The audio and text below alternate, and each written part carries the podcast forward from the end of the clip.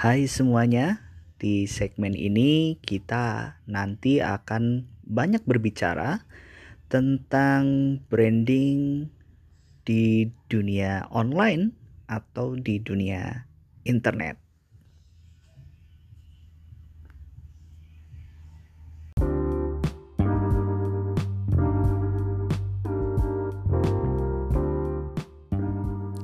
Kalau kita bicara tentang dunia branding, maka kita tidak akan terlepas dari yang namanya nama bisnis. Pertanyaannya, nama bisnis ini duluan mana dengan nama domain? Sebuah pertanyaan yang pernah saya dengar, Mas Adi saya belum punya nama bisnis dan juga saya belum punya nama domain. Saya jawab begini. Kalau sekarang kita belum mempunyai nama bisnis dan nama domain, alangkah baiknya saat kita menentukan nama bisnis, kita memikirkan juga nama domainnya sudah dipunyai orang atau belum. Ini penting karena nantinya akan sangat mempengaruhi bagaimana kita berkomunikasi di dunia internet. Kalau misalkan Gojek, anggaplah begitu, sudah domainnya dimiliki orang lain, mungkin akan kesulitan, bahkan harus mengeluarkan banyak dana untuk membeli domain itu bila domain itu sudah dimiliki oleh orang lain dan menjualnya dengan harga yang mahal. Nah, oleh karena itu, sebelum kita memikirkan atau memastikan satu nama bisnis, lebih baik kita pikirkan dulu juga apakah atau cek juga apakah domain itu sudah dimiliki atau belum.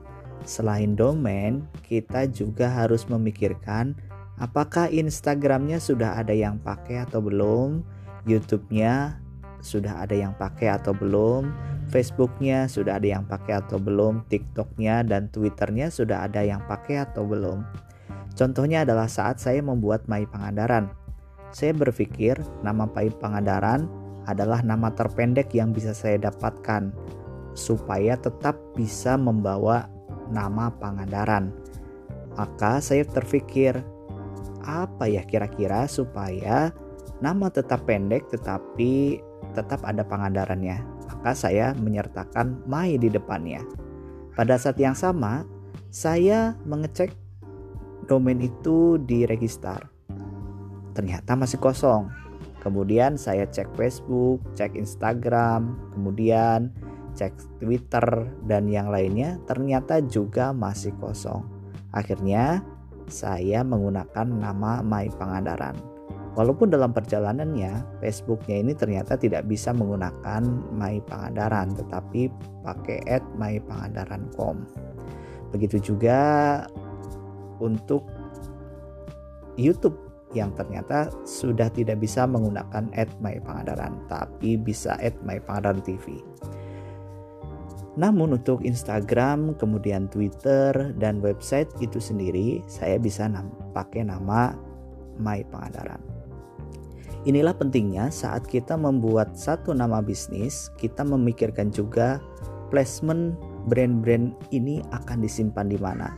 Jika kita memang fokusnya di TikTok atau di Instagram dan di tempat lain sudah ada yang punya namanya, kita bisa menggunakan nama itu. Namun demikian, tentu kita akan bertarung dengan nama yang sama yang mungkin sudah besar terlebih dahulu menggunakan YouTube, uh, menggunakan Google untuk mengecek apakah nama yang kita pilih ini sudah ada yang punya dan seberapa besar volume di Google-nya tentu menjadi pertimbangan tersendiri. Oleh karena itu, nama kita harus benar-benar unik. Lebih baik lebih panjang daripada kita pendek tetapi kita bertarung dengan brand-brand yang sudah punya nama.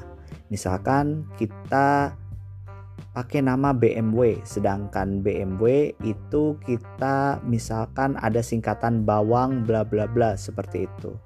Nah kita singkatannya brandnya pakai BMW maka kita akan berat sekali untuk melawan brand yang namanya BMW karena yang ada di pikiran yang ada di uh, masyarakat, BMW adalah sebuah brand yang merujuk pada otomotif.